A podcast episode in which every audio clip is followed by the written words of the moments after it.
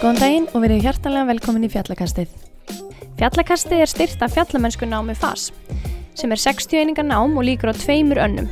Námi er sérhæft nám í fjallamennsku og er ætla fyrir þá sem vilja auka eigin færðni eða starfa við fjallamennsku leðsögn. Nefendur fá tiltekinn réttindi innan Fagfélags Íslenskra fjallaleðsömanna, AEMG, og einnig þjálfun í fyrstu hjálp frá landsbyrgu. En nú hefur verið opnað fyrir umsóknir í fjallamennskunna um FAS og ég vil endilega hvetja ykkur til að kynna ykkur þetta nánar á fjallanám.is.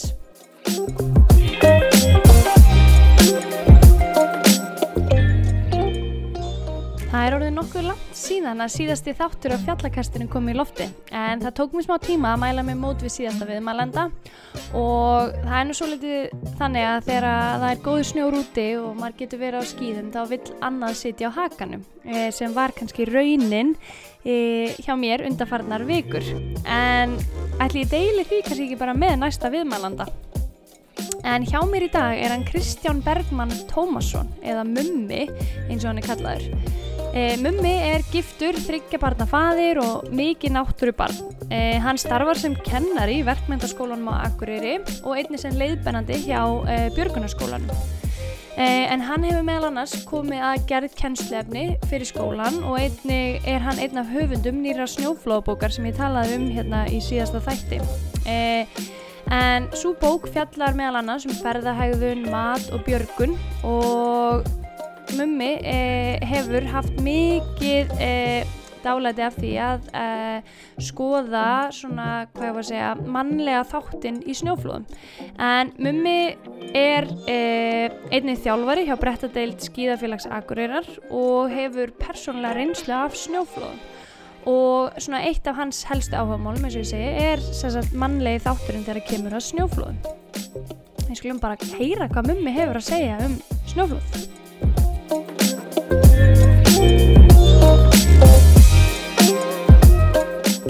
Góð kvöldi eh, og velkomin í þáttinn með mig. Takk fyrir að gefa þér tíma til að spjalla við mig. Já, takk fyrir að bjóða mér, bara skemmtilegt. Eh, við erum nú búin að reyna að mæla okkur móti í lengri tíma núna að reyna að spjalla um hérna, eh, svona áhuga þinn á útivist og kannski aðalega snjóflóðum. Eh, en ef við byrjum bara svona aðeins, hver er Kristján Bergmann eða Mummi? Já, hver er, hver er ég? Það er stór spurning. Uh, ég er akkuraugur. Uh, ég segi öllum í þessi 28 ára en, en það er höfðal ég. Uh, ég er fættur hér á við Pallin og byrjaði sem smápólurugla bara sjö ára í skátunum og hef verið bara í útvist alveg síðan og öll mín fjölskylda er með þrjú börn og, og, og konu sem eru líka útvist og, og bara allir mínu vinir við erum í rauninni haldið sambandi vinnir í gegnum skáttarhefinguna og upp í Björgunarsveit og svo bara að fara sjálfur og allt þetta bara alveg, alveg öll þessi ár þannig að já, þetta, er ég svona í, í stöttumáli Já, þannig að þú byrja ungur eh, að vera úti. Eh, Fegstu svona útvistar uppeldi þá? Var eh, fjölskyldaði mikið ferðast þá eða? Uh, nei, nefnilega alls ekki. Uh, mín fjölskylda hefur bara ekki verið að ferðast nokkur skapaðan ut og ekki til nefni útvist. En afi minn var uh, mikill útvistamæður. Hann var sveitamæður og fór mikið á fjöll og skjóta rjúpur og, og, og í göngur og allt þetta og mikill náttúru unnandi. Ég hef alltaf viljað meina það að ég, ég hafi þetta frá afa mínum þó að við hefum aldrei náða að ferðast eitthvað mikið saman um landið en eitt slíkt þá, þá held ég að þetta komi frá honum þessi, þessi óstjórnlegi áhugi á, á útlýðist og, og ferðarlega. Já, skemmtilegt. Eh, hva, hvernig var leiðin? Þú byrjar í skátunum 7 ára og hvernig er leiðin þín inn í þannan heim sem þú ert í dag? Uh, já, maður byrjaði í skátunum bara pínulítill og þá var maður alltaf að fara í þessar útilegur og, og við vorum sjálfur að fara að ruma hans eldri að tjalda og eitthvað svona. svo eins og kannski var bara hefðbundið á þeim tíma hér á Akureyri að þegar varst í rauninni búin uh, með drótskáta á, á Akureyri þá var svona raukrétt að næsta skref væri að fara í hjálparsitt skáta á Akureyri. Og það var eitthvað svona sem var bara vel flesti gerði. Við, fórum ekki í flubbana ekki spyrjum Akureyri, þetta var bara eitthvað hefð og uh, fer í hjálparsitt skáta og er þar svona alltaf eitthvað inn og út og, og annað til fjölda ára. Eh, svo fáum við strákarnir okkur nú okkar einn jeppa þegar við hana, kringum 17 ára alduri þannig að við getum sjálfur farið að fara upp á hálendið. Er mjög glæslega súkur vel flestir og fórum í súkurferðir. Það er lest um allt, ríkalega gaman. Uh, og svo fer ég í háskóla og, og já, í nám og annað og, og hérna þá svona kúpaði mér svolítið frá þessu björgunarsveitar stúsi og hafði bara ekki, ekki tíma. Uh, og kem svo aftur þegar sagt, og ég er alltaf með aðra löppin einhvern veginn svona inn og út en, en kem svona að fullum þunga uh, svolítið setna inn í súlur aftur þegar svo sveit var saminnið úr, úr þessum tveimur sveitum. Og hef í rauninni gert þetta þannig að þetta bara fer eftir tíma í rauninni, veist, núna er ég með börn og heimili og, og þau eru lítil, þannig að maður hefur eðlilega ekki af mikið tíma núna, svo verður þau eldri kemur maður bara inn á fullum þunga. En ég, ég geri það sem ég get og ég, ég geri það sem ég hef áhuga á. Og ég er rauninni bara slaufa allir hinnu þannig að þetta er svona já, þetta er sagan og við, við strákanir, eh, þetta eru aðalega strákar og núna hefur við svona velflæstir konur og annað og það eru allir einhvern veginn á gaði í þessu að fara á skinna og hjóla við erum fullið í því. Og þetta er bara orðin eitthvað svona stíl, þetta er bara það sem við gerum. Lifum og hrærum stíl. Já, skemmtilegt og gaman þegar að fjölskyldunar eru saman í þessu og vinnirnir og svona, hann þetta verður bara svona eh, áhugamál hjá öllum. Um, en þú hefur svona svolítið verið að sérhæfa þig í eh, snjóflóðum og þá kannski aðalega að skoða mannlega þáttinn eh, tengt snjóflóðum Hvernig svona kveiknaði áhugið þinn á snjóflóðafræðunum? Já, sko þetta byrjaði með því að fyrir fjöldamörgum ánum síðan þá var ég búinn að taka, ég held ég að vera bara búinn með snjóflóðu eitt þá.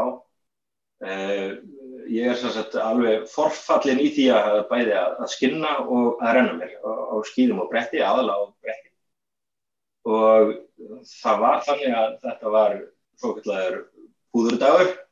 Uh, húður er ekki gott orð, en þetta að lausa mjöl og við erum þannig að þó nokkuð margi vinninir bara í hlýðarfalli og okkar, okkar skýðasæði og það er svona dagur, alltaf kafi í snjó og ofboslega gaman. Og við erum allir með þennan viðunandi björguna búnað nema það hérna er mikil úrkoma og, og það er ju aðeins vindur en ekki mikil þó.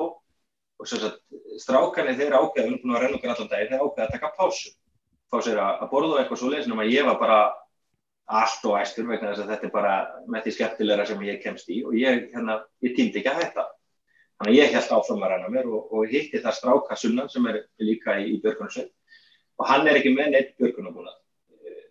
Og ég bara svona ekkert málskilur að spyrja hvort að mig er henni sem með mér og, og ég segi bara já í því og held bara áfram alveg æstur. Og það bara endar þannig að ég kemast af flóðu og ég grefst alveg í rauninni. Það er hægri hendin á mér stendur rétt upp úr og e, þetta slapp alveg fyrir hodn og, og hérna, ég, þetta skadaði mig ekki neitt. Þannig einhvern veginn fæ ég svolítið já, sparki maður vegna þess að ég ákveð þarna að núna skildi ég bara læra þetta almennilega. Ég vildi skilja ég vildi læra alminnilega hvað, hvað veldur og, og svo framvegis. Þannig að ég fer svolítið að fá já, bara dellu fyrir þessu og fyrir að stúdir í rauninni allt sem ég kemst í og eins og ég hef tíma til og, og hérna. Þa, þannig í rauninni byrjar þetta. Já og þetta hefur þá hvað verið í kringum 2003 og það hefur kannski ekkert verið heldur neitt rosalega mikil umræða um þetta á þessum tíma kannski bara eins og í hlýðafjalli eða annað eh, um snjóflóðu eða annað slíkt. Nei, ekki, ekki, ekki svo mikil þannig sko. Við hefum náttúrulega búin að vera að ræði þetta alveg strákanir og eitthvað svoleis en samt svona einhvern veginn ekkert, ekkert afnirni dýft eða alvöru sko svo ég muni því, já. Nei, einmitt. En var þetta stort flóð sem þú lendir í eða? Já, þetta var alveg svona þokkalega stórt. Sko, þetta var ekki mælt. Uh, þetta, það var mjög slæmt skikni svo þegar að leiða og, og, og, og svona, svo tóku veðrið að vesna. Þannig að uh, maður sá þetta svona framan af mig, svo var þetta viku við bara horfið. Þannig, þannig að ég, ég fór ekki að fara með það hvað það var stort, en þetta var alveg nógu stort til þess að ég myndi alveg grafast, fór alveg undir og hérna en slapp alveg. En þú varst þá með þessum félag þarna, sem var ekki með neitt snjóflóðabúnað og fann hann í rauninni bara út af hendinni strax eða?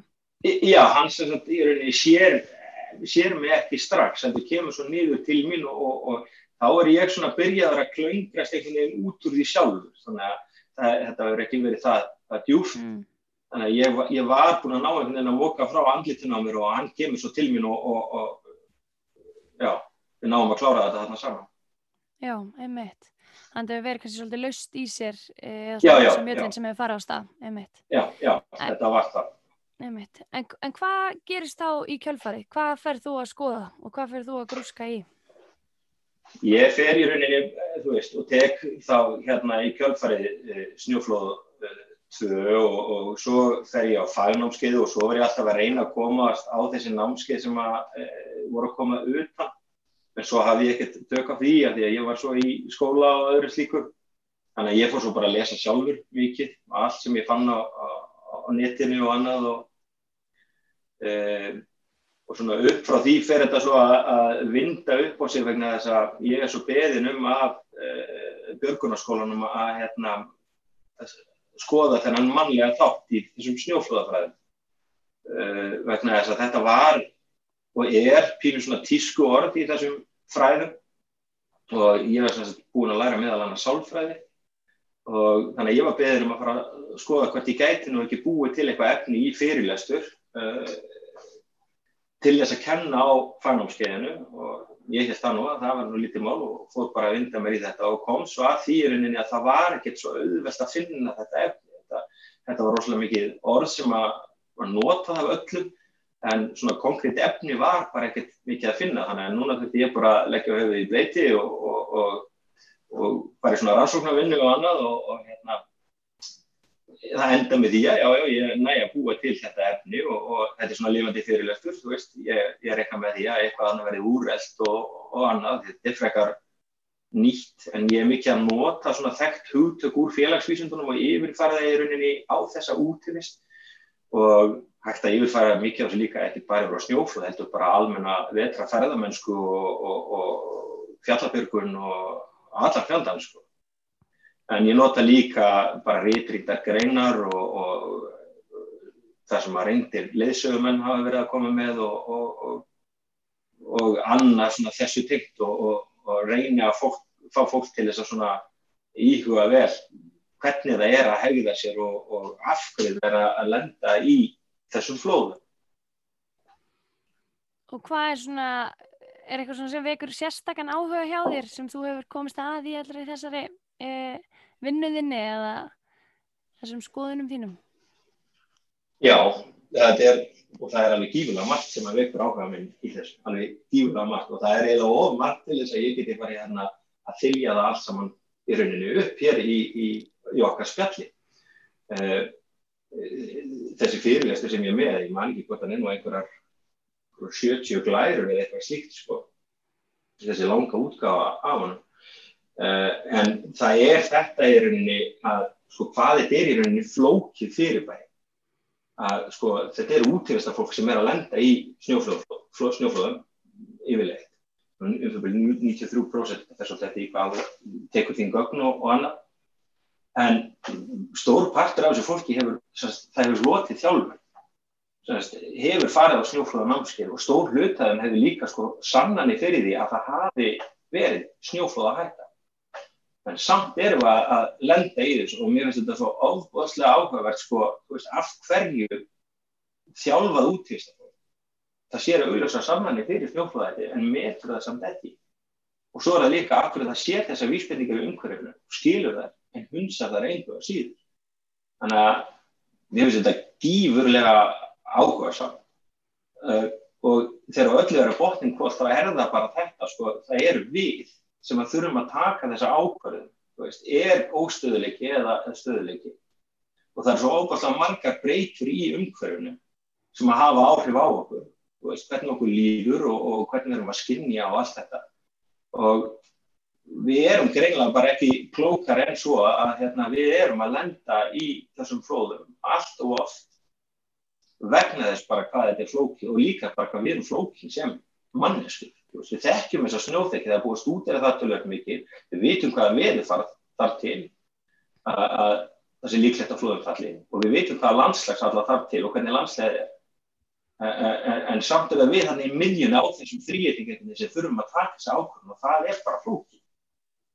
Já, Þetta er áhugavert uh, og einmitt magna bara hvernig við sem manneskjur uh, virkum. Ég var einmitt að lesa grein um daginn sem var að tala um sest, að það væri líklega, eða sest, þessi grein tala um það, þú kannski þekki það betur, uh, að það væri líklega sest, að lenda í snjóflóðum eða það væri svona mixed gender hópur á fólki, yeah. konur og karlar að ferðast saman. Þú verður að skoða þetta eitthvað? Já, já, ég er búin að skoða þetta tölvöld og, hérna, og þetta er alveg rétt svo við lefum við nú að aðhafa aðeins um kallmenn, þá, þá eru þeir, þeir eru kvartvísari og uh, þeir eru alveg svona híkasíður og, og, og hjóla í, í hérna verkefnin. Og sko það er ein kona um það byrja mútið 22 kallmennu sem er að lenda í snjóflóðan og uh, það er að segja okkur eitthvað. Og þegar þessu konur koma í þessa hópa uh, þá er svolítið að fara að sína okkur. Við erum að hérna, út með kassan og, og, og einhvern veginn áhættusekkin og það er talað um riski shift að sko þegar kona kemur inn í svona hóp þá bara ríkur þetta riski shift alveg upp. Og við förum að taka mun áhættuseknari ákvæmur og förum að hefða okkur bara allt öðru vísi og þessi sama tölfræði já hún er svipuð með til dæmis fangilsi í bandaríkunum, einn kona mútið 22 köllum um, sjálfsvík það er fleira þannig þessum dúr þannig að þetta er áhugavert hvað hva, hva, hérna testastörunni er ekki að gera okkur neitt gott. Já, einmitt, en kannski einmitt líka bara þetta mannlega, þú veist, að við erum uh, gerð til að, svona, þú veist, að, að makast, eða skiljur, að, hérna, og mhm. síðan, þú veist, að tengjast annari mannesku og þá kannski af hinnu kyninu af einhvern hátt, uh, þannig að það kannski líka hefur áhrif þarna, uh, sem er ótrúlega áhugavert að færa það svo yfir í eitthvað sem við þekkjum í útivistinni, þú veist, en svona, þú veist, hefur, hefur eitthvað skoðað e, svona gögn um fólk sem hefur lendt í snjóflóðum á Íslandi hafa verið skoðað eitthvað svona þú veist hvaða þú veist, e, hvað hefur verið að gerast hjá þessu fólki eða hefur það eitthvað verið skoðað? Nei, ekki, ekki af mér. Ég hef ekki sko, verið að skoða þessi gögn frá Íslandi og e, það sem ég hef mest verið að taka er sko gögn aðalega frá bandaríkjum þeir eru náttúrulega óbúrslega framalega í þessum rannsóknum. Og svo líka úr öllbónum Fraklandi og, og, og annar staður úr Evrópu. Uh, þaðan eru mín gögn svona helst að koma en auðvitað geta, geta það er náttúrulega bara menningamölu líka. Og svo, svo má ekki gleyma því líka sko, heimurinn er rosalega stór og þetta er spurning hvernig hlutinir eru skráðir eru þeir skráðir veist, og, og, og þannig að aðgengið að þessu gögnum er ekkert einfalt en, en svona það var á to-do-listanum mínum að, að skoða er henni hvað er til að þessum gögnum hjá viðstofun og ég veit að Anton Karaskó hann er eitthvað búin að vera að skoða þetta með þessi flóð á, á Íslandi.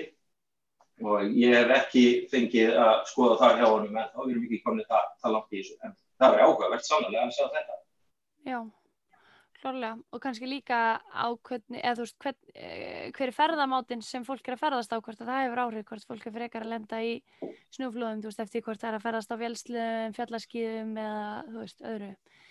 Um, en svona hvað, hérna, er einhver svona einn, um, hvað getur maður sagt, ég veit ekki hvort það er rétt að segja, einn mannlegur þáttur sem að, sem að stendur upp úr, eða þú veist, sem er að valda því að fólk sé að lenda í snúflóðum, eða þú skilir hvað er að menna. Mm, nei, en sko, ég gæti alveg sagt svona í, stuttumóli að sem sagt, við sem manneskjör, uh, við erum tilfinningaverur og við veljum okkur rosalega oft einhverja lausni sem er bara fullt með okkar þörfum og löngunum og þegar við gerum það þá erum við að útilega svo rosalega margt uh, úr umhverfum sem ættum að vera meðtaka en við bara ítinni frá okkur eða viljum ekki sjá það. Um, og svo er það þetta með sko aðstæður og umhverfum það hefur svo óbúrslega mikil áhrif á hvernig við erum að skinja uh, og hvað við erum að sjá. Og svo eins og ég sæði á hann að þetta er svo rosalega mikið að floknum upplýsingum að vinna úr í umhverfunu að þetta verður bara svolítið hérna, verður okkur svolítið ofviða oftar en ekki, bara því miður. Og ég hef búin að skoða í, í, í þessu sambandi, ég hef búin að skoða hjarðhegðun og, og, og hérna, eh, viðhór fólks og, og veðurfar, hvernig veðurfar hefur áhrif á skiljum gott viður og hort viður. Þannig að það er svo orsalega margt sem að hægt er að, að hérna, eh, tala um og segja frá í rauninni þarna. Mér finnst það að fá eitthvað svona sérstætt til dæmis. Uh, ef það er eitthvað sem hefur skemmtilegt þá endilega við, við bara hefum nægan tíma en ég er til í allt skemmtilegt Já, sko það er eitt sem að hérna, ég ætla að koma gæti svolítið sagt ykkur frá hérna núna í fljóttubræði og, og það er svona uh, viðfóðsefni sem er kannski hvað þekktast úr þessum snjóflóða heimi út í bandaríkunum og það eru hérna svo kallar heuristics. Þetta eru hérna þetta er svona hegðun sem er, er lærð uh, og þetta er eitthvað hegðun sem við erum búin að vera kannski að nota bara frá þeim pínu lítil sem eru vilja að meina þess að heuristik séu hérna bara alveg bara í genunum hjá okkur og þegar að, og þetta er svona aðfærafræði, hvernig við leysum verkefni, hvernig við tökumst á við vandamál og, og, hérna, og bara hegðum okkur í hverstaklega lífi. En þegar við erum á föllum að vetralægi að þá er hægt við því að í rauninni þetta koma aftan að okkur og og þess að heuristics verði heuristics traps eins og það heitir að elsku en ég kallaði þetta í rauninu bara íslensku hugsan að vilja og e, þetta er eitthvað sem er fengið úr hérna uh, slísum, alveg slísum þar sem það voru sko 504 döðsvöld og, og þetta er 700 slís og verður fyrir einni hugsan að vilja þá verður það svo fyrir annar og annar og annari. Og uh, yfirleitt stundum verið einn nóg og þetta platur okkur til þess að halda við þurfum ekkert að aðhafast eða breyta leiðavalega að snúa við henni og við erum að lenda í, í stjórnflag og þetta er sérstaklega kunnuleiki. Það er eitt að við hefðum okkur alltaf eins í, í aðstæðum sem við þekkjum vel. Þetta er sérstaklega við, við um sérstaklega skýðasvæð okkar þar sem við erum heima.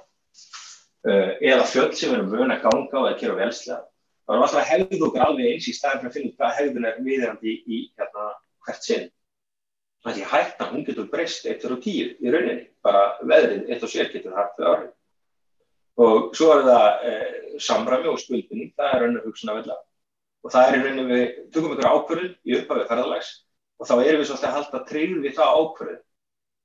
Við erum, það kostar okkur tíma orku að efast og, og hérna velta hlutunum fyrir okkur, líka bara ræða og raukra og við nennum því.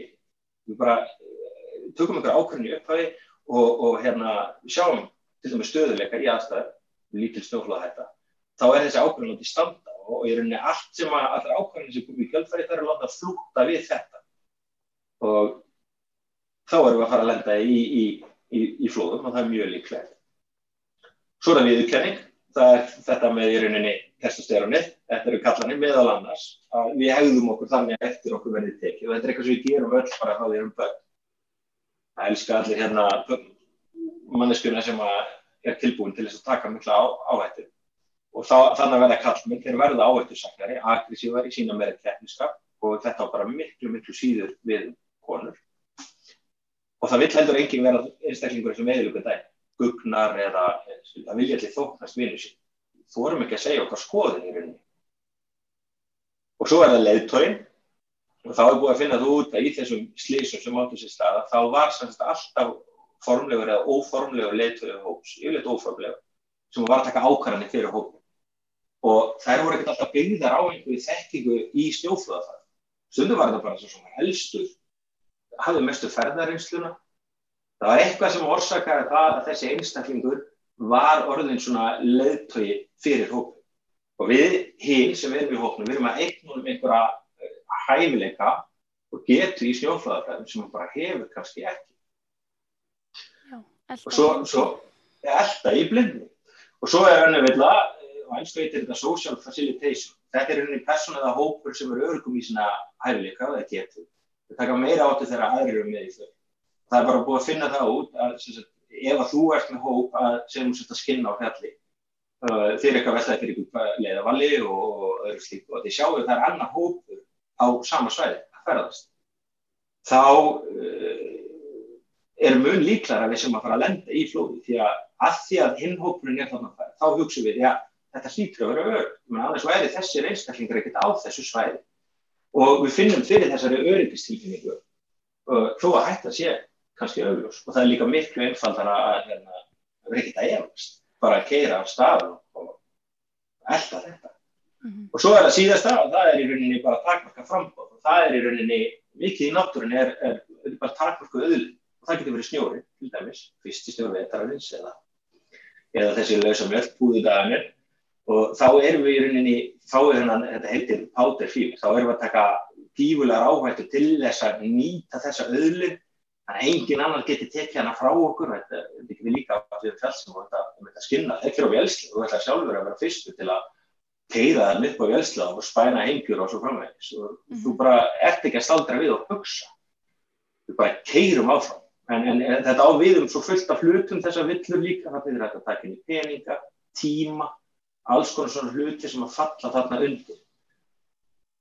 Og þetta finnst mér alveg óbúslega áhugavert. Þetta er alveg Já, þetta er rosa áhugavert og mjög mitt svona að því við þekkjum þetta öll bara úr okkar mannlega eh, lífi, þú veist, þetta er eitthvað sem við gerum bara svona vennjulega, þú veist e, þegar við erum í hópa fólki og margt aðna sem að þú veist, fólk að tengja við bara úr sínu, já af sínu, já, já. hvað er að segja bara, þú veist, í vinnunni eða á þessum vennilegum stöðum Já, nákvæmlega. Þannig að þú veist, og það breytist ekki þegar við fyrum á fjöll í rauninni. Nei, nei, nei. Alveg sama, svona, þú veist, við erum alltaf mannleg þrátt fyrir að við höfum fengið eitthvað ekki mikla þjálfun eða mikla þekkingu eða eitthvað svo leiðist því að svo að mm. endanum er ákvörðunatakan okkar. Já, já. Þa, það eru við sem þurfum að ákveða sko, þú veist, erum við með fullkonar upplýsingar til þess að taka ákveð? Eru það ófullkonar? Eru það ógislega margar eins og upplýsingar? Stangast það á? Mm -hmm. Þetta er bara flókið og óvisa getur verið gífilega mikil í alls konar hluti sem við gerum. Þannig að þetta er ekkert einfalt. Fyrir utan það hvað við erum á eittu sækki. Það er bara, það er manneskjafn í, í, í nótskull. Akkurat.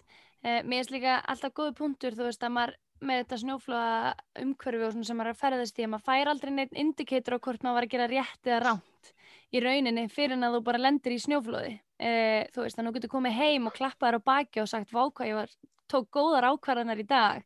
En kannski mm -hmm. varstu bara, þú veist, millimetr frá því að lenda í snjóflöði Hversu oft, já, hversu oft ert í rauninni búin að vera hætti og, og þetta myndið að ferðast í snjóa vetralæð, það er á einsku eitthvað þetta sko poor feedback. Það er ekkert í umhverfni sem gefur þér endilega upplýsingar um það hvort þú varst að breyta rétt eða rátt þú getur verið að hegða þér bandvillust ferð eftir ferð eftir ferð. Og þú er með klappararaukstin og heldur þú sérst alltaf búin að vera að breyta rétt. Mm -hmm. en, en skilju, meðan að önnur aðrar íþróttir og, og áhugamál gefa manni skilju svörun strax, ef þú gerir eitthvað vittlust þá svona smellur, 1 og 10 þú er búin að fatta það, ég ger eitthvað vittlust og þú lærir það því. Mm -hmm. en þetta er einhvern veginn svo einstaklega vandamál að því að þessi svörun, þú, þú færðar ekki. Svo allt í hennu kemur skellur þá skilur ekki nei mm -hmm. veist, þá lítur það að vera eitthvað öðru að kenna heldur en skilur, þér sjálfri eða einhverjum að ferðarfélagum í hókn það er, þú veist, þú ert alveg með. Þetta Já, ég hef búin að læra þetta allt ég vissi allt. Já, já. Um, og það kannski kom pínu hjá þér aftur, þú lendir sérn í snjóflóði aftur síðar eða hvað? Já, það er bara nokkur ár síðan síðan neðalegt maður Já. Ha, Það er það. Sko, þetta ægslast í rauninni þannig að e, aftur er ég á mínu bara lokal skíðasvæði og sagt, ég er að fá vinn minn að sunnan í heimsókn og, og við ætlum svo sannlega að nýta þennan tíma sem að hann kemur norður, hann hafði bara einn dag, einmitt, takmarku öðrind og ég vissi alveg að það var búið að vera harðfenni bara í langa, langa tíma og svo kemur sem sagt norðan á með úrkomu. Og ég er svona, já ok, þú veist, maður þarf að fara að þetta með það í huga að þetta getur verið eitthvað varsa. Þannig að við förum saman í fjallið þarna tveir og, og ætlum að fara í, í Suðurdali og þar er skilti sem að segja loka. Og við förum fram hjá því og við höfum náttúrulega margótt gert það. Og réttið það rám, þá gerðum við það. Og þegar ég er þarna að svona horfa á þetta, ég, veginn, ég vil ekki eiginlega þetta fyrir honum bergivinnum minn, sko, að ég að við ekki nákvæmlega vekkum hann, það er góðið vinnum minn Þannig ég er svona, ok, við skulum, við skulum, hérna, skulum fara það í hérna dal, við skulum prófa þetta og, og hérna, e, höldum bíli á millokkar og eitthvað svona og, og þessi vinnu minn, hann Bergur, hann, hann bara svona, já, já, bara eldir og aldrei búin að hafa neina námskeið eða eitt, en er svona með viðhandi björgunarbúna. Og við förum þessa fyrstu ferð og ég finn alveg að, sko, þetta er ekkert, þetta er einhver kjör aðstæðar, það er, kemur ekkert óvart, sko, um okkur með ekkert prófíl eða neitt slíkt. Alveg kæralesi en, en ég svona renni mér og svona já, kannski er þessi mismunandi lög eitthvað að tala saman. Þannig að ég renni mér fyrst eitt niður og það var bara allt í góðu og Bergur kemur svo niður eftir mér og, og maður er svona 20 mínutur að fara upp og niður. Og þegar við erum komin í stólalíktan aftur um að leiðinu upp og þá allt í hennu er bara komið hundlegilegt við mikil norðanátt og, og mikil úrkoma og það er alltaf eitthvað snýmið bara djöfullinni en mér er eitthvað ekki vel við þetta. En við samt sem áður ákveðum að fara aftur í þennan dal og, og ég stoppa svona upp á hæð og bara svona, nei ok, við erum ekkert að fara þarna. Nefn að þá sé ég sagt, að, að yngi vinnum minn, sem er nú annar, uh, annar vinnum minn, er þar að móka prófi í þessum dal. Ég fæ eitthvað svona til í síðan hann og það kom bara mjög mótt við. Bara, ok, ef það fellur flóð þarna, þá er hann yngivinn minn í móndum málum vegna þess að það eru til dæmi í, í, í sögunni að það er brotna stjórnflóðan á endur og hann í glera og þetta er ekki smá vegalinn og mér finnst hann bara að vera á versta stað. Þannig ég er reyka eftir bergi og við erum að, það er ekki þetta að kalla, skilju, samskipti eru bara vonlust þegar veðrið er svona vond og þannig að ég segi, ok, við rennum okkur alltaf hliðin á honum, ynga, þannig að við getum reykið hann í burtu. Og þegar við erum konið þarna og þetta gerist allt ábúrslega hrætt maður er ekki að gefa sér tíma til þess að hugsa á þetta þannig ég fyrir til hans og segir bara engi, þetta er ekki gáðilegt það, er komið brjála við og við erum bara komið í bust og engi svona bara já, horfður á mig og, hérna álítum mig eitthvað, eitthvað örgulega sér aðri í þessum fræðum að hann bara einhvern veginn, já, ekkert mál bara gerir það og pakka skóplinu töskunum og við rennum okkur stað og í hrygginn og ég segi svona ok, við skulum bara taka þetta hérna einn í einu og bara koma okkur út úr þessu. Þeir segja já og Bergur vinnum við það fyrstur og við yngjum hann fyrir ofan í klættanbeltinu og svo bara er Bergur komin eitthvað áleiðis niður og hvort að yngi byrjar að taka fyrstu beginu eitthvað svo leiðs og þá heyri ég svona brjálaðan kveld. Ég hef aldrei heyrt svona kveld loður. Þetta var, þetta var, þetta var eins og hverja við klappa sko með tröll á lófum í eirun á hann líka og það bara brotnar allt undan okkur og við bara allir þrýr þarna niður og þetta var svona flekaflóð og þetta var bara reysastótt og þarna fann maður hvað maður er þegar náttúröflun er annars vegar þú ert bara eins og flug. Þú hefur enga stjórn á neinu og þetta er alveg típist einhvern veginn, maður heldur að maður hafi svo mikla stjórn á aðstæðunum og, og getur það til að takast á við þetta en svo þú ert í þessu það bara glemt og alls konar klúður sem að skilur og orsakar þetta og mistök hugsanarvillir hjá mér og, og hjá hinnum strákunum líka og þetta verður svona niðurstaðan og, og mér er að segja sko yngi vinnum minn er með sagt, boka til að blása upp svona airbag og, og hann gæti ekki blása hann upp að því hann kunni ekki á hann. Og notabenni þessi strákar er alveg, við erum oft búin að ræða þetta og það er engin feimni á bakvið til öll þessi mistök sem við gerðum. Og mér finnst það bara frábært að verður að tala um þetta það er ekki til lært. Þó að maður skammir sér fyrir þetta ég enda að gera það bara pínu núna. En við slöpum allir heilir og hérna en, en já, já, með ölluna á bak og líka við hérslóttatöflari bara að hræðslu sko, þetta var alveg þetta hefði léttilega geta farið miklu, miklu, miklu verið heldur en gerði. Og sko hæðin á brekkinu mínu er 1.58 og stærstu köklarnir, þeir voru bara eitthvað rétt undir því, þannig að þeir voru risastórir. Shit. Og, og hvað var þetta eitthvað, veistu hversu stórt flóði var, voruð þið allir ofan á flóðinu þegar flóði endaði eða? Já, já, við sagt, bergurinn fer alveg niður að enda í tungunni en yngi fer, fer aðeins niðan en ég og ég stoppa svona, ég veit ekki, ég, ég fara niður rúmlega helmingin af flóðinu sko, vingi eitthvað lengra og bergur allavega. Þannig við, við sleppum allir heilir. En ég veit ekki til þess að, að þetta flóð hafi verið mælt.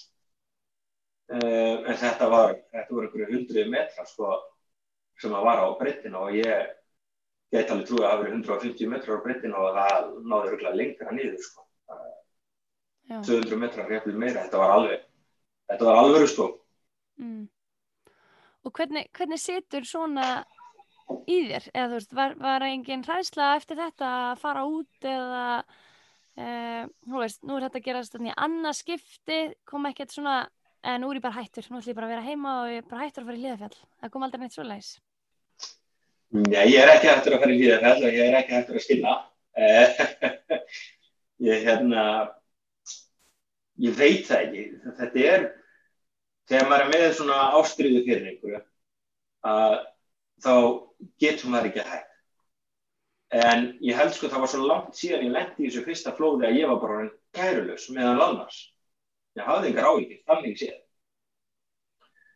uh, maður verður skítrættur þegar maður lendir í svona. Ég átta það bara púslega maður, við vorum alveg með bara hjartað í buksunum þegar þetta gerist sko, og hérna ég var svo guðsljóðandi að þetta fór ekki verð þó ég vissi það vel að þegar við færum að segja frá þess að ég myndi alveg fá bökinn frá mínum félögum og, og bara erum með mig þú búin að vera að kenna á snjóflöðanámskeiðum og kenna hennar mannlega þátt og jara, jara, jara. Og ég trúði mér ég er búin að fá bökinn og bara allt í góður með það. Og ég hugsaði þetta mikið. Og maður á að deila þessum hlut eh, ég byrjaði í rauninni bara að, einhvern veginn að alltaf vera með hausinn rétt skrúaðan á núna og ég, ég, ég passa mig á því að sko reyna að taka einhverjum svona ákvarðanir í flíti vegna þess að yfirleitt höfum við nægan tíma og ef við höfum ekki nægan tíma þá, þá verðum við bara að reyna að búa til þennan tíma. Ef maður er að verða á setni það er eitthvað heima fyrir við eða þá verður það bara að býða. En svo kemur þetta alveg, þetta, þetta er bara eins og þegar maður dettur illa á fjallahjóli eitthvað því. Maður er bínu svona, maður er einhvern veginn híkandi svona fyrstum sinn og kemur þetta alveg. En ég núna ger ég mitt ítrasta til þess að vera meðvitað hvað ég er að gera, af hverju ég er að gera hvað er ég að hugsa, hvað allir fólki er kringum ég sé að hugsa. Og, og svona reyni hvað ég get að nota þessi fræði sem ég er búin að vera að breytika til þess að lenda ekki í þessu aftur. Svo náttúrulega líka þegar ég, ég hef oft hugsað ef þú svona duglar og stundir eitthvað svona áhuga endar ekki alltaf með því að eitthvað gerist? Jú, kannski, það er kannski líka búndur um, en þú veist, fannst þér um, en þú veist, bara hræðslan inni þér, var það aldrei neitt sem hafði einhver áhrif, þú veist, varstu varst ekki eitthvað svona, já, bara ég ætla að velja hans minni brekkur eða þú veist, ég ætla ekki að fara í þetta landslag í eitthvað tíma eða kom, kom það fljótt tilbaka voru þið, þú veist, voru þið að hittast og ræði þetta, fóru þið yfir þetta mjög vel saman sem lendu í þessu, hvernig þú veist, hvernig fór það? Já, bara, bara, það eru bara nokkra vikur síðan við vorum síðast að, að ræða þetta, þessi, þessi drengjum. Ég vil koma þessari dæmisögu rauninni þessi, þetta efni sem ég er búin að vera að kenna, þannig að sé, þetta sé svona study. Og það, það er eitthvað erfitt út fyrir þetta nema sko, stundum finn ég alveg þessa hæðslu. Hún kemur alveg um og það er líka bara hvað. Það er líka bara allt í læg. Maður má alveg vera hættur og, og það heldur aftan af hvað þessari óhöflegu versinni í mér. Þannig að ég reyni að taka ákvarðanir, þannig ég sé fyrir lengi þetta, ég sé að fara að bara geta gert þetta áfram og ekki örkumlast eða, eða degi eða einhver sem er að ferðast með degi. Þannig að ég er, ég er ennþá hættur en, en ég, svo, ég læti þetta ekki stoppa mig. Ég, ég reyni bara að gera þetta á skil sem mann á. Svo eru tímin að leiða ljós hvort ég sé búin að öðlast eitthvað meira einsa í þessu öllu saman og, og þekkingu til þess að takast á við þetta rauninni verkefni og vandá. Mm -hmm. Er eitthvað svona sem þú, svona, þú veist, skoðar meira núna, þú veist, ertu meira að skoða snjóflóðspána, þú veist, ertu, ertu meira að grafa pitt eins og talar um að þú veist, eins og í fyrsta snjóflónu, þú veist, grófi ekki pitt, er eitthvað svona verklag sem að þú ert svona búin að temja þér eftir þetta sem að þú fylgir, eitthvað svona tikklisti?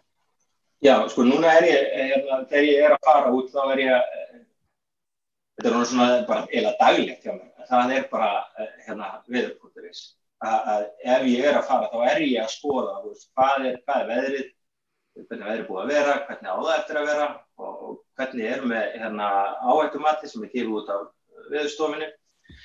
Ég er líka rosalega mikið þegar ég er að þvælast að hérna, í höfðinu meðan ég er til dæmis bara að skilna að þá er ég bara að reyna alltaf að kveikja upp perunni bara ok, vaknaði nú þú veist, að því, maður getur svo glimt sér til dæmis þegar maður er að skilna, maður er einhvern svona móki það tekur tíma alltaf það. Er að ég er að reyna að kveika á höstum og salum og ég reynir ekki fremsta megni að þegar ég með mínum samfélagmennum það er að ræða hlutina. En svo er þetta líka þegar maður er búin að vera að skilna til dæmis og, og renna sér svo lengi með sama fólkinu að, að þá eru samskiptin ekkert endilega neitt. Ég veit ekki, það, það, er, það er eins og þetta sé orðið svona einhvern veginn það er erfitt að útskýra. Við treystum hver öðru rosalega vel. Og kannski er það líka mistök. Að jújú, jú, við ræðum hlutina en, en, en ég er mikið búin að hugsa núna erum, erum við búin að vera ofþögur sko, að því að við, við erum hérna.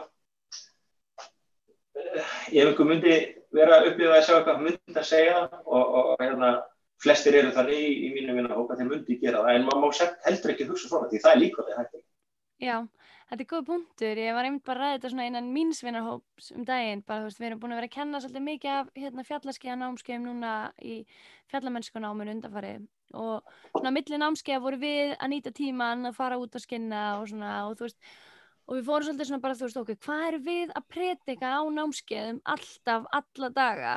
Eh, og svo förum við út og þá er þetta einhvern veginn svona þögult samkomiðlag um að við gerum ákveðna hluti án þess að við séum kannski endilega að ræða það neitt rúslega mikið eins og þú ert að segja og verður bara eitthvað svona rútína sem að við svona þú veist kvöldi áður maður fyrir að sofa, tjekka maður á veðurspáni maður tjekkar á þú veist snjóflóðspáni við kaffibóllanum og svo, svo fara allir bara út og svo tekum maður þú veist eftir hvað maður er að fara að gera íla tjekk og, og hérna og svo kannski bara svona, já, þú veist, hvað finnst þér uh, þú veist, einu svona tviðsóra leiðin en kannski ekkert mikið meir en það mm -hmm. uh, Ég tengi við þetta.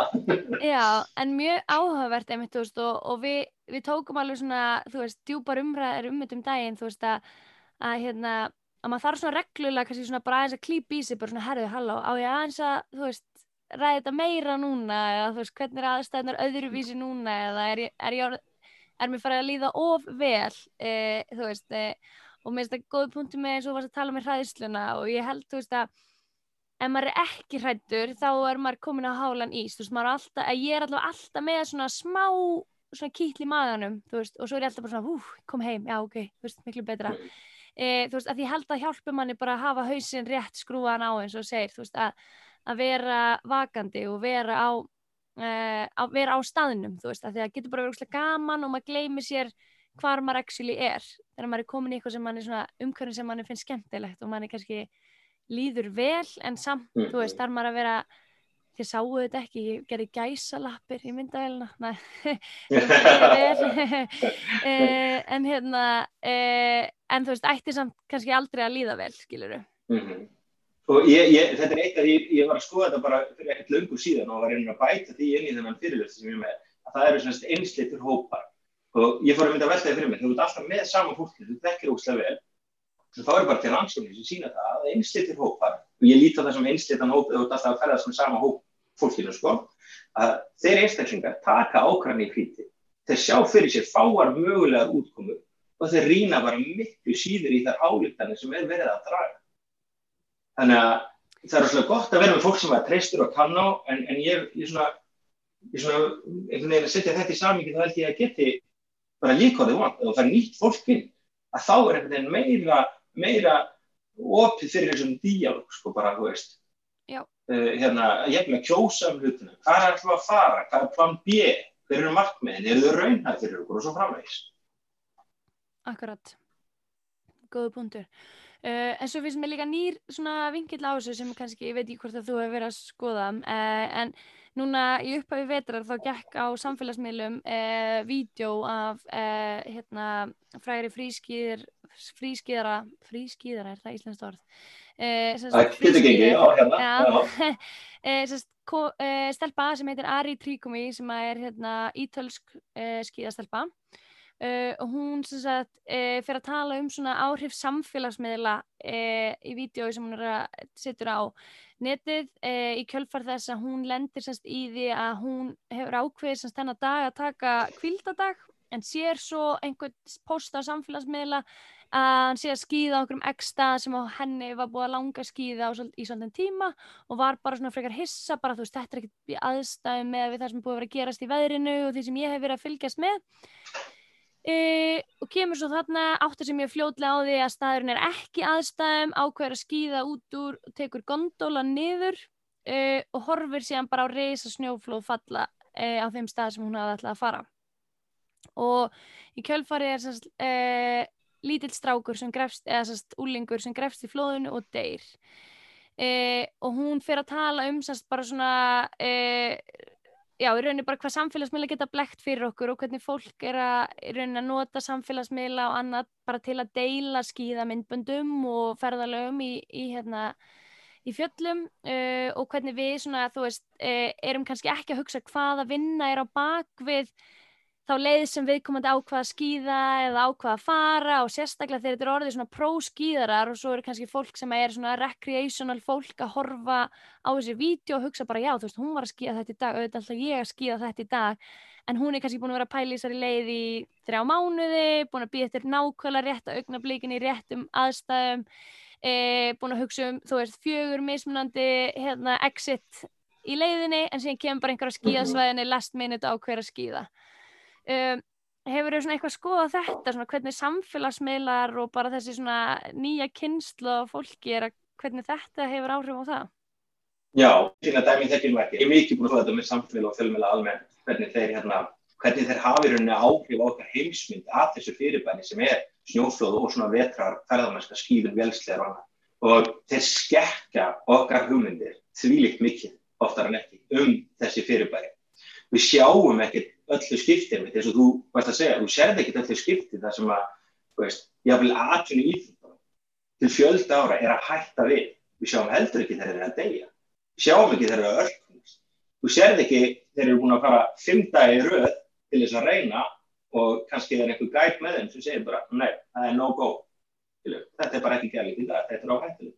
Við sjáum þessa, þessa hlut ekki og ég veit að viða hjá þyrrljuskýrna fyrirtækjum þá er þetta bara vandam þess að uh, þeir eru náttúrulega uh, þyrrlu fyrirtækinn sjálf og, og allir þessi samfélagsmillar útvistabúnaðar framlegendur og þessum framlega skýðir og allt þeir að sína sér flottu vídeo. En svo eru til dæmis kúnan er að koma. Þeir náttúrulega bara fá þá þjónustegi sem þeir sjá á netinu sem eru auðvitað alltaf þessi geggjuði dag og gætar, ég var bara að lesa fyrir eitthvað lungu síðan, sagt, eh, grein frá Franklæni, þar sem þeir eru bara í bölðuðu basli vegna þess að kúnina ætla bara að fá þess að þjónustu alveg saman hvað. En þegar gætarnir segja að þetta er ekki hægt núna, þá er þetta bara alveg brjálað, sko, að eða hellir spilning sem koma að það framvegis. Og framlegendur útvistabúnaði líka, ég hérna, þeir bögum á oft rosalega mikið. þeir sem að framlega skýði, bretti, uh, öryggisbúnað og annað slikt, sko þeir eru sjálfur alltaf að sína okkur einhverja vöru sem er, þú veist, ekki miskilum við eigum að vera með öryggisbúnað en hann getur líka klikka en þú sérð alltaf bara einhverja fárlega og flottar heti sem er að nota alla þessu græður því þetta á eftir sækir fólk. Og þetta skekkir allt saman okkar hugmyndir um bara uh, raunveruleika því miður. Uh, kannski réttilega ég meina, væri einhver sko, framlegandi fyrir að sína þar einhverju degja skilju, þetta söluvalum fyrir vörunum, það eru líka að hugsa það þannig, sko, það er bara eðlilegt að einhverstað er að þeir sé að gera þetta svona, sína þessa, þessa falli og góðu hluti en ekki alltaf vonda. Mm -hmm. Er það? En það er kannski líka bara eins og, þú veist, ég veit ekki, er, það hef öllum verið sagt að reykingar drepa, skilur, en það er samt ennþá fólk sem reykir, skilur, þannig að það er, kannski, ja. það er heldur kannski ekki það sem virkar á okkur, þú veist, þess að við segjum, við erum ákveðið áhættu sækið, e, bara mhm. sem manneskur, þannig að þú veist, alveg saman hvað okkur er sagt en það verður áhugavert held ég að fylgjast með svona til framtíðar hvort við sjáum eitthvað breytingu á þessu mannlega þætti bara út frá þessu svona hvernig upplýsingaflæði er í dag þú veist eh, um, allaveg eins og núna þú veist hvort að sé fólk að sé eitthvað breyting á því hver er að lendi snjóflöðum bara byggt á þú veist að því að það er allt miklu meira að vera að deila og, og hérna mm. og, og fólk er að sjá kannski mitt óraunhefar eh, er með óraunhafar væntingar byggðar á einhver sem það sér einhver staðar á netinu eða í, á Instagram eða þú veist, eða hugsaður, herri, já ég er nú oft, þú veist, ég er miklu betur að skýma heldur en þessi, en hann var samt að gera þetta þarna í gær og þú veist, þannig að ég líti að geta gert þetta í dag eða þú veist, Mhm. alls konar svona það verður áhugavert að fylgjast með þessu held ég Og svo er annað sem er áhugavert núna líka eftir að COVID byrjaði, en COVID er alltaf komið inn á hæginni, að það er búið að vera brjála að gera hjá hérna, eh, þeir sem eru að framleiða og selja útvistabók. Það eru allir fannir á gönguskiði, menn er á snjóþum, menn er á velsleð, menn er á splittbort, menn er á fjallaskiði. Þetta er ekki, þetta er ekki bara Íslandi, þetta er bara um allan hinn vestrana heim. Og það verður rosalega gaman að sjá núna á næstu árum, sko, einmitt þetta, hvernig mun tölfræðin breytast, hvaða aldurshópar verða þetta sem er að lenda í vissinni konum hefur sko, það er um það fáralega marga konur fannar að stunda þessu útvist. Það er bara snild. En, en það verður gaman að sjá sko hvort að það er, þetta, eigi eftir að hafa einhver, einhver áhrif sko, við, við munum ekki sjá það alveg strax sko. Einmitt, hvort það breytir skekkjunni, hvað var það 22 kallar á móti einni konum á móti einni konu einmitt, þannig að kannski breytir það eitthvað skekkjunni fyrir að fleiri konur fara að stunda útvistina. Það Eh, gæti meira. verið. veitur verið, já, áhugavert en þetta er klárlega mjög svona eh, áhugavert og maður svona eh, maður þarf að vera mjög gaggrinn á sjálfan sig eh, þegar maður er að fara út í þessar aðstæður og er að, er að taka ákvarðanir virðist vera eh, með þetta Mhm.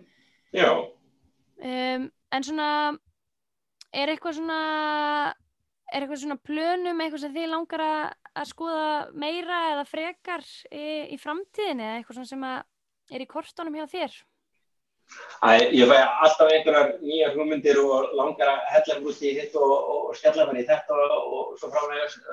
Það var ekki langt síðan ég var með þá flugu í kollinum sko, í, þessu tengt í rauninni.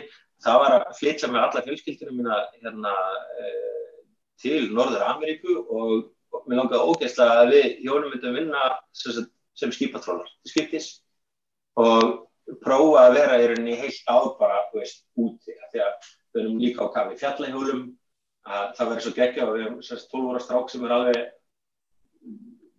all in á bretti og fjallahjóli og það verður svo gaman fyrir hann og, og svo einhvern börnina hérna að þú veist, prófa að lifa hrærast í þessu og fyrir okkur að fá að vinna við þetta það verður æðislegt en svo einhvern veginn gerist lífið og maður skiptir að vinna og svo komin í þetta og, og hérna en sko mér langar eiginlega mest af öllu að hérna halda bara áfram í rauninni að vera duglegur að þvælast að skynna og hérna vera úti að leika mér.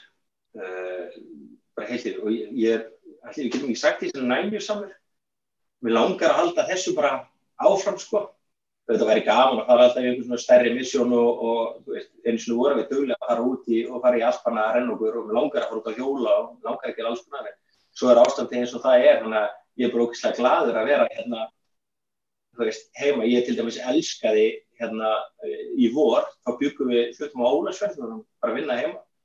Og einum degi algjör snill, á einum degi þá gæti ég hjólað á fettbæk á frosnu vatni, ég gæti skinnað upp á múlakollu og ég náðu surfa, allt á sama deginu og þú veist ég hugsaði bara eftir þennan dag og ég fór sko í gallanum ofan í pottin og í blöðgallanum og fór úr hún og það og opnaði mér eitt bjór og ég hugsaði bara, er, wow, þetta er alveg geggja, þar maður eitthvað meira?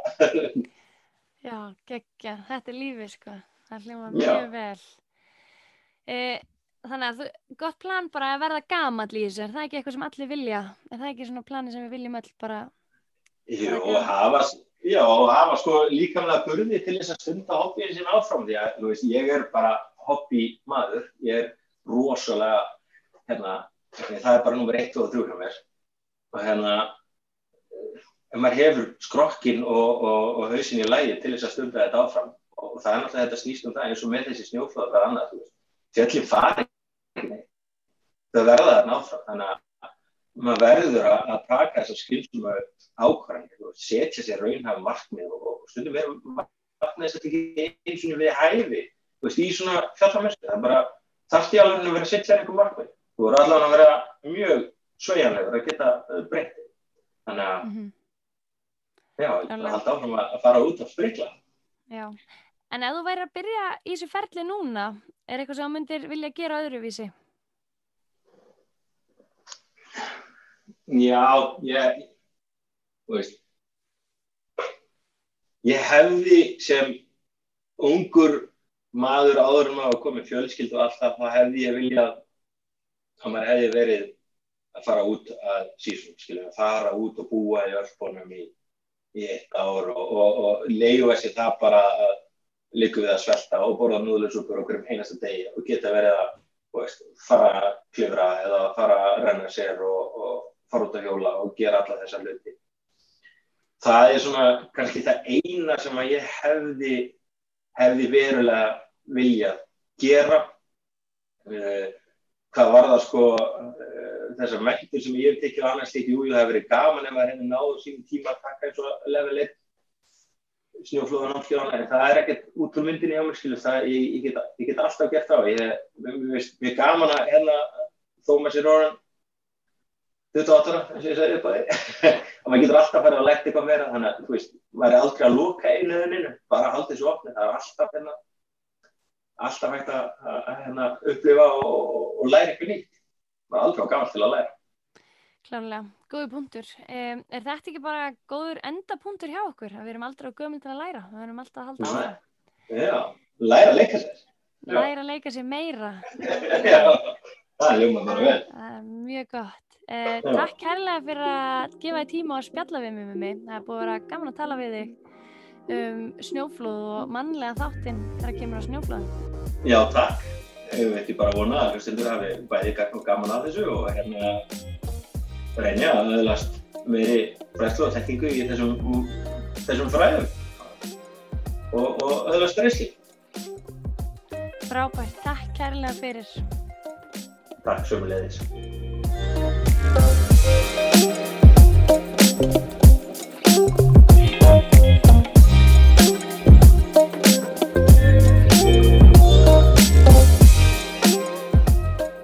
Það var rosalega skemmtilegt að tala við hann mumma í fjallakastinu í dag og mjög skemmtilegt að ræða hann að mannlega þátt af því að við þekkjum hann alls svo vel eh, hvort sem við erum á fjöllum eða bara í okkar persónulega lífi.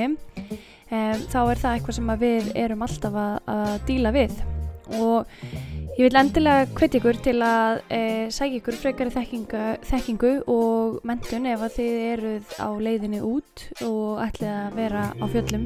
En það er mikilvægt að afla sér þekkinga um snjóflóð e, til dæmis ef að þið ætlið að e, stunda fjallaskýðun eða vetrafjallamennsku en við viljum ná ekki hafa þetta lengra í dag og enn og aftur vil ég bara minna ykkur á að þið getur fyllt mér á Instagram at localislander einni er ég á Facebook at kallakastið og síðan auðvitað ef þið eru með einhverjar upphástungur um skemmtilegt eh, e, viðfóngsefni eða umræðefni í þáttinn e, þá er ég gaman að heyra frá okkur og þið getur sendt mér skilabóð í gegnum helstu meðla. Takk fyrir!